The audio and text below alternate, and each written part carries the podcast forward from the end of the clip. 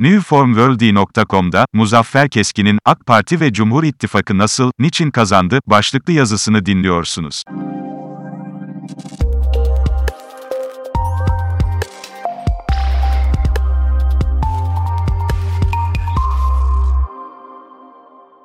...14 Mayıs ve 28 Mayıs tarihlerindeki her iki seçimin galibi yine Cumhur İttifakı ve AK Parti oldu yani Erdoğan. Gerek muhalefet partilerinin gerekse muhalif seçmenin anlamakta zorlandığı şey nasıl olur da, bu kadar hayat pahalılığı yakınmalarına, yolsuzlukların iddialarına ve hukuksuzluk şikayetlerinin artmasına rağmen AK Parti ve Cumhur İttifakı hala nasıl bu kadar oy alır ve kazanır? Bu yönde bazı sebeplerin üzerinde durmak gerekir. Ekonomik sebepler, asgari ücretin iyileştirilmesi ve eğitlilerin sorununun çözülmesi dar gelirli birçok aileyi en azından bir süreliğine bile olsa rahatlattı.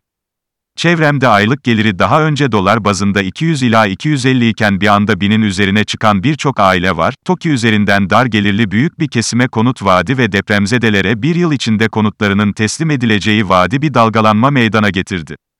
Yaşlılara ücretsiz ulaşım, Bağkur emekliliği, yaşlı aylığı, evde bakım desteği, engelli özürlü aylığı gibi bir kısım sosyal devlet uygulamalarının AKP döneminde başlamış olması özellikle gözlerden uzak çevrelerde ve taşrada gönül bağının devamını sağlıyor.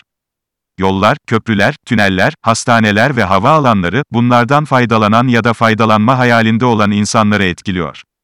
Adeta yapılmış yapılmıştır duygusuyla ülke adına bir kazanım ve bir seviye olarak bakılıyor. Elbette ki bunların bir bedeli olacak denerek muhalefetin ihale konusundaki eleştirilerine önemsiz ayrıntı olarak bakılıyor. TOK, seçimin hemen öncesinde TOGG arabaları ortalarda boy göstermeye başladı. Bu da Cumhur İttifakı seçmeninde belli bir tatmin oluşturdu. Savunma sanayisi üzerinden oluşturulan ve TCG Anadolu, kendi SİHA'mız, kendi uçağımız, kendi helikopterimiz ve benzeri savunma teknolojilerinin yerliliği politikası ile desteklenen seçim kampanyası fevkalade etkili oldu. LGBT meselesi, muhafazakar tabanda, dile getirildiğinden daha öte bir etki meydana getiriyor. Muhalif gösterilerde boy gösteren Lübliler muhalefet aleyhine ciddi bir konu olarak kullanılıyor. Bu sadece Türkiye'de değil, benzer konular gelişmiş ülkelerde bile bir anti-propaganda sopası olarak kullanılabiliyor. CHP'nin gerek merkez yönetimi gerekse teşkilatları milletin dini değerlerini ve dilini bilmiyor.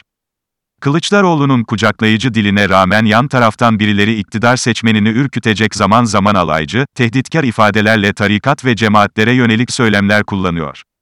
Halbuki bir vakit namazında herhangi bir camiye gitseniz ön saftaki insanların büyük çoğunluğunun bir cemaat veya tarikatla ilişkisi ve gönül bağının olduğunu görürsünüz.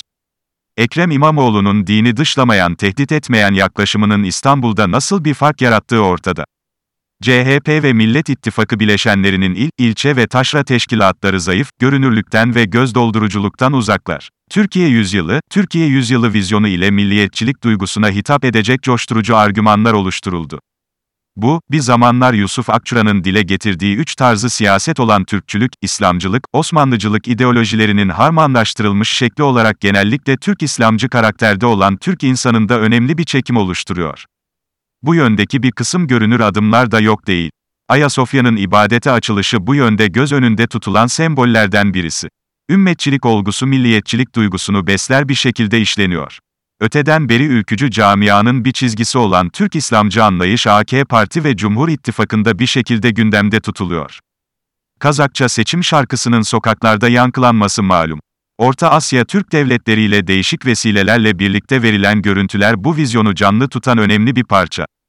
Azerbaycan'a Karabağ Savaşı'nda Türkiye'nin verdiği desteğin düşüncelerde nasıl bir etki bırakacağı tahmin edilebilir. Deprem vesilesiyle Azerbaycan ve Orta Asya'dan gelen yardım görüntüleri günlerce aylarca ekranlarda ve sosyal medyada aktı. Muhalefet terörle ilişkisi olmadığını iktidar seçmenini de kapsayacak şekilde geniş kesimlere anlatamadı. Bazı HDP veya YSP'lilerin zaman zaman ortalama Türk insanının sinir uçlarına dokunan beyanları, çıkışları, hareketleri, ilişkileri muhalefetin elini zayıflattı.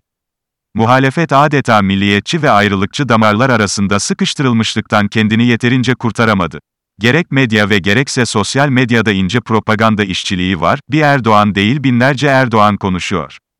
Cumhur İttifakı ve Erdoğan'ın söylemlerini tabanın farklı kesimlerine ileten ve nabza göre dozajını, şerbetini ayarlayan bir Erdoğanlar ordusu var. Cumhur İttifakı seçmenleri muhalefetten gelen hukuksuzluk söylemlerini kendi açılarından anlamsız buluyorlar çünkü bir konfor alanı içinde kendileri açısından her şey yolunda ve onlara bakan yönüyle ortada sakıncalı bir durum görünmüyor.